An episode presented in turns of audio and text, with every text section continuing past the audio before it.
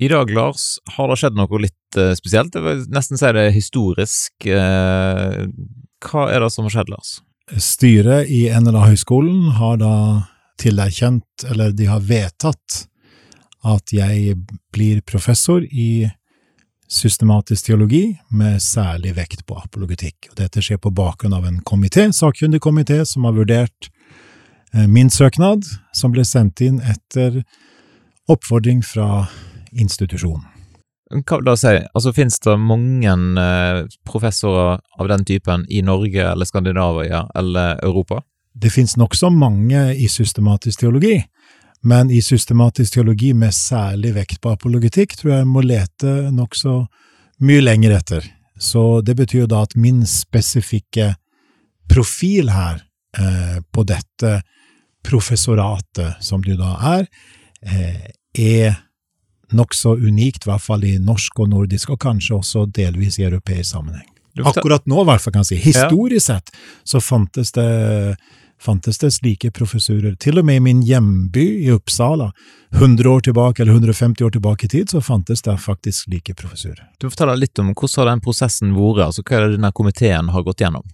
Ja, det er jo sånn at, at uh, i i høyskolesystemet så, så, er det spesielle kriterier som gjelder for ulike stillingsnivåer, som det kalles. Eh, og da, sant, for den som har en doktorgrad pluss pedagogisk kompetanse, kan da få eh, det som kalles førsteamanuensis, som er den såkalte dybdeveien, om du vil, eh, via en, en avhandling.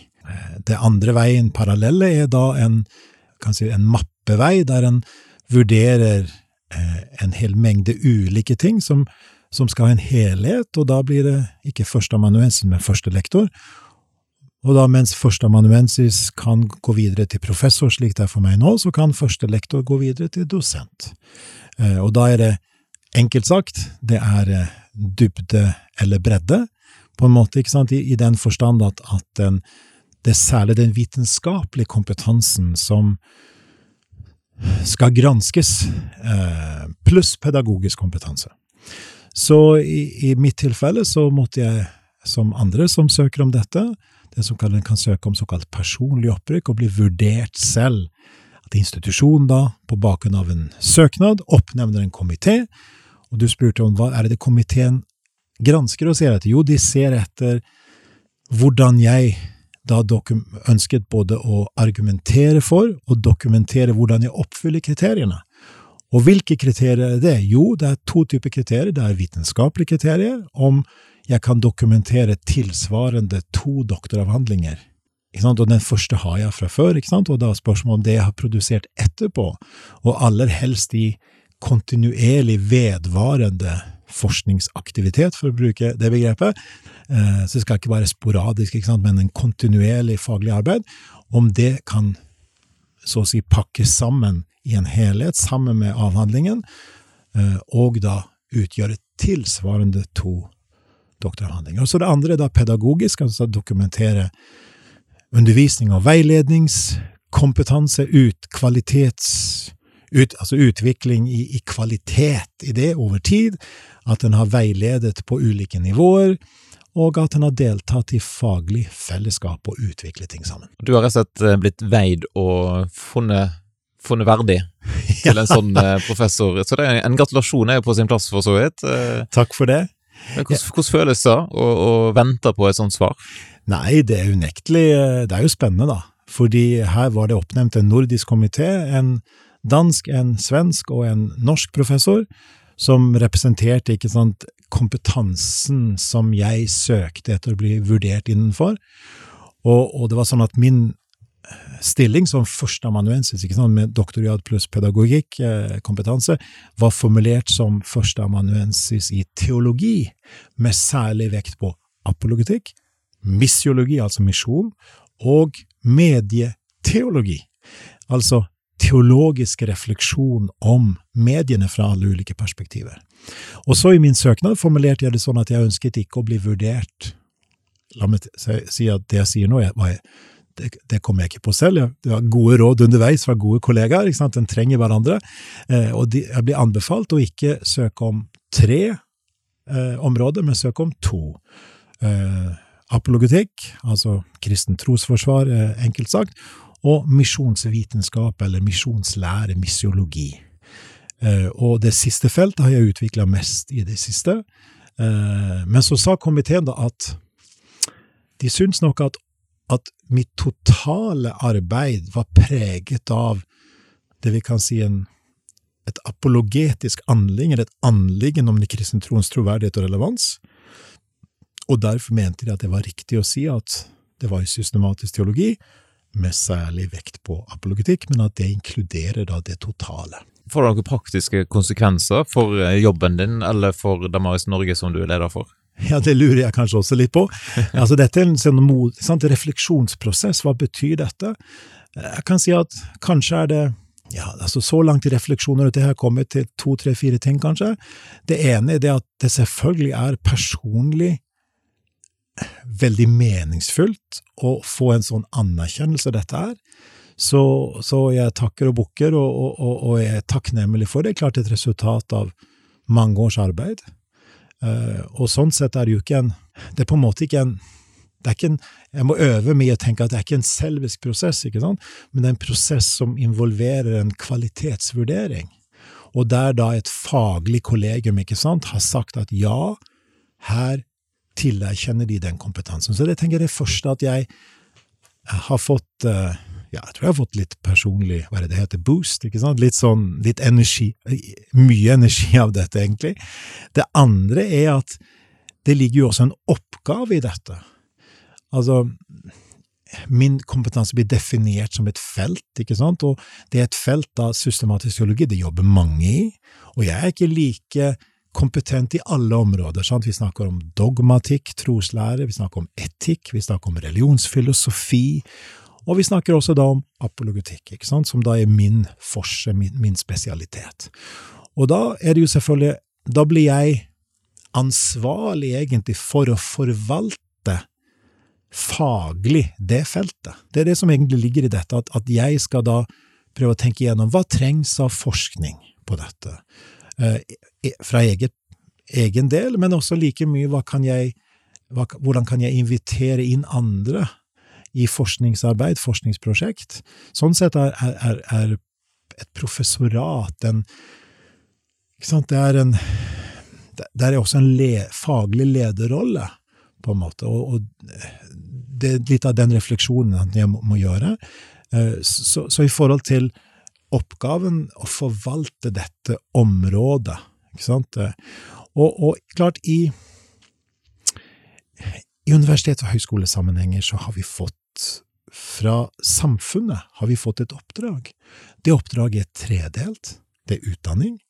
Ja, hvilke studier tilbyr vi? Og det er klart, For min del så gjør kommunikasjon og livssynsstudiene veldig nærliggende her. Vi har skapt dette, og det skjedde ikke minst i forlengelsen av, av min avhandling om Paulus i Aten, som, som apologet i Aten. Then and now. Sant? Hvordan, hva mente Lukas med å, å, skrive om det da? Hvordan kan vi anvende det inn i dag? Sant? Så utdanning er et felt. Jeg trenger å å bruke tid på sammen med de andre ved min institusjon og, og andre kollegaer og spørre hva trengs av utdanninger på dette feltet. Det andre er forskning og utviklingsarbeid. Sant? Hva trengs av forskningsarbeid? Og Der er det veldig spennende at nå sammenfaller dette i tid med at vi lanserer, eller at det lanseres, skal jeg si, eh, en, en, en nordisk serie, bokserie, for religionsfilosofi og apologetikk, der, der jeg sitter, har blitt spurt om å sitte i redaksjonen sammen med, med flere andre, eh, og det fra ulike institusjoner. Og det har sin base i noen yngre kollegaer, eh, teologer fra, fra Danmark, eh, og vi ser for oss et nordisk miljø. Så jeg tenker at denne bokserien er et eksempel på innenfor forskning, i tillegg til Teofilos, vårt, vårt tidsskrift. Eh, så har vi U, sant? FoU snakker vi om, forskning og utviklingsarbeid. Og klart, utviklingsarbeid det kan være både faglig utviklingsarbeid og det kan være pedagogisk utviklingsarbeid. Det er behov for å utvikle mye på dette feltet. Det bringer meg til det tredje oppdraget. ikke sant? Utdanning, forskning og formidling.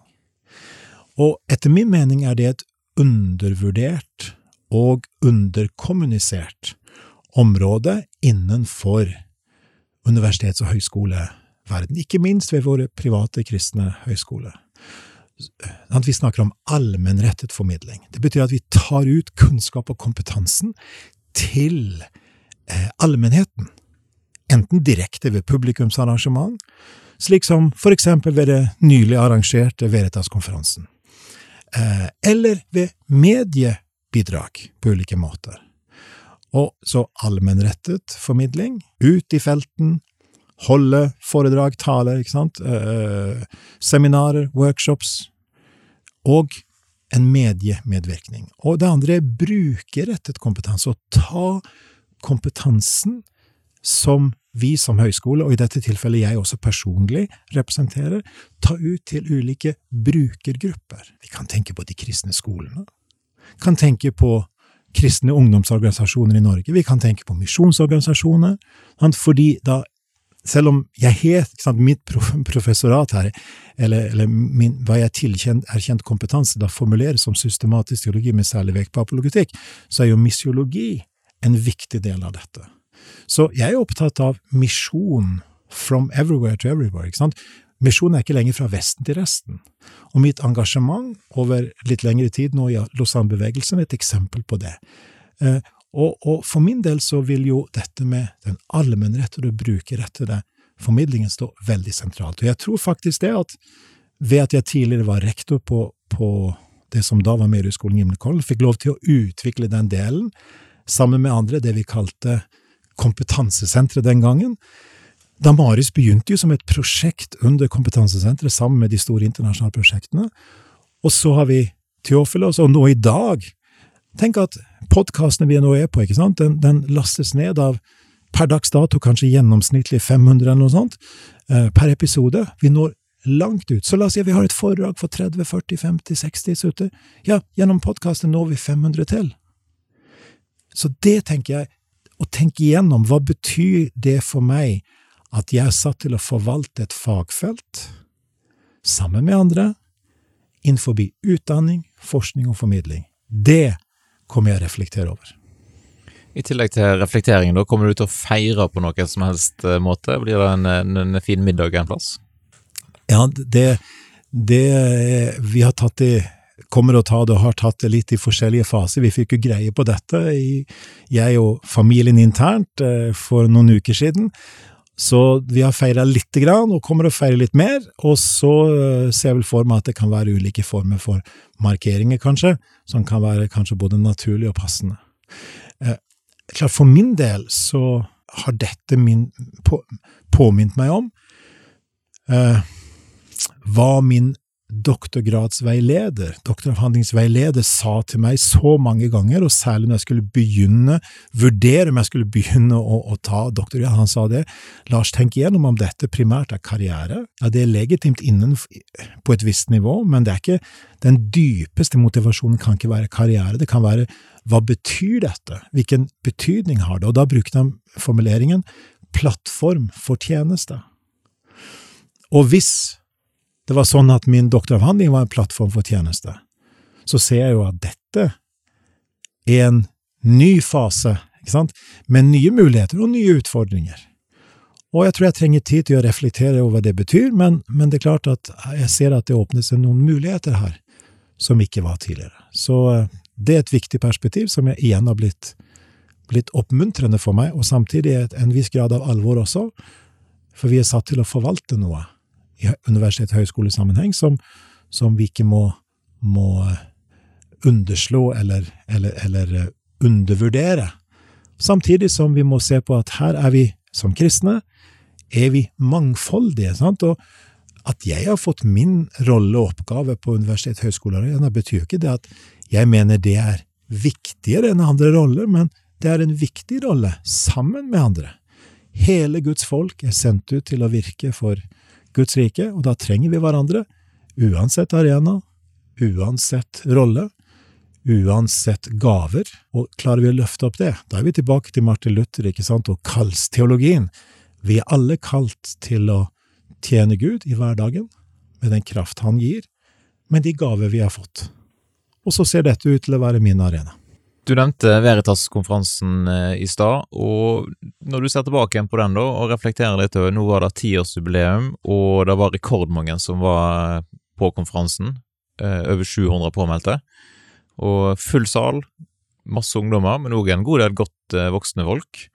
Hva refleksjoner gjør du deg rundt apologitikkens rolle i Norge i dag?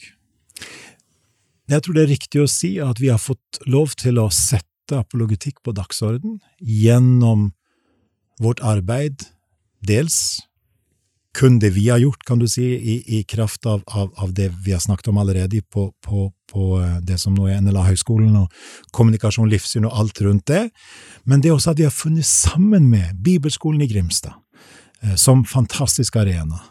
Laget NKSS, som jo er en av NLAs eiere, Eh, men også som, som da eh, representerer sant, ungdom rundt forbi på skoler, studiesteder, og flott gjeng med ansatte. Og, og, og, så fant vi sammen, vi tre, og så har andre kommet til Ungdom i oppdrag, og andre kommet til i, i dette nettverket senere.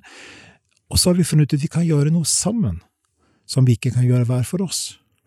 Og det tror jeg er denne erfaringen av å, å løfte i lag, og å få til noe sammen. Og det er klart at her har vi bygget over tid. Ut av dette samarbeidet så har Veritas forlag kommet. Det har gjort det mulig eh, for, for Lunde forlag gjennom dette, denne, eh, dette for, for, denne det, imprinten, denne, denne merkevaren Veritas forlag, mulighet til å, til å marked, til å simpelthen publisere, trykke, gi ut bøker en ellers ikke kunne gitt ut, for hvem skulle være sikre på at folk ville kjøpt det? sant? Så, så, bare den delen av arbeidet er meningsfullt. Så jeg tror vi har fått lov til å sette apologetikk på dagsorden, og jeg liker jo veldig godt vår, han som var gjestetaler under Veritas sist helg. Alistair McGrath, eh, som jo for øvrig en av de jeg skrev om i min avhandling. Så jeg ble rimelig godt kjent med hans forfatterskap, da, hvilket kommer godt med når han har vært på besøk her. Um, og han snakker om at apologetikk er egentlig tre ting. Det er å forsvare. Han kaller det defending på engelsk, ikke sant? Og det er å commend. Anbefale, løfte opp kristen tro. Si det er sant og godt, rett, vakkert. Eh, vi trenger å løfte opp kristen tro og anbefale. Og så sier han det også, og så for det tredje er også det å oversette. Altså kommunisere, formidle evangeliet på nye måter, nye kreative måter. Eh, det kan dreie seg om rent språklig på nye måter, eller i nye formater. og På Veritas-konferansen var jo C.S. Lewis, arven arvene til C.S. Lewis tema. Var det noe han maktet å gjøre, så var det å kommunisere i ulike sjangrer. Fra den argumentative måten, sant, de ser det i øynene, og, og, og lidelsens problem, ikke sant, og, til Eh, fiksjonen, sant. Eh, romtrilogien, Narnia-bøkene, fantastisk litteratur, eh, til oppbyggelig litteratur, på en måte apologetikk innover. For Vi trenger å tenke at apologetikk både er noe vi gjør utover, og inviterer folk til å undersøke er kristen tro troverdig, relevant, men også å bygge en apologetisk kultur, ikke bare utover, men innover. Sånn at, at, det blir naturlig å kunne stille spørsmål eh, i en forsamling, i en ungdomsgruppe, på søndagsskolen, ikke sant, helt fra begynnelsen av. Det, det, er, det, er, naturlig at spørsmål har plass. Det er ikke alltid vi har gode svar, men kanskje kan vi sammen utforske noe. Eh, så, så ja, jeg tror vi har bidratt til, på en vesentlig måte, å sette apologetikk i denne betydningen forsvare, anbefale, oversette på dagsorden gjennom det vi har fått lov til å gjøre, også gjennom samarbeidet i Veritas.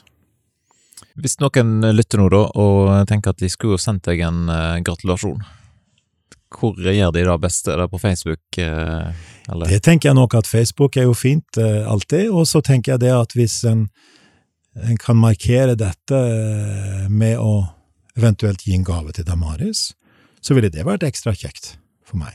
For jeg ser jo at gjennom Damaris har vi etablert noen plattformer og arenaer som, eh, som Selv om Damaris er liten og min egen institusjon NLA er stor, så ser vi at en utfyller hverandre.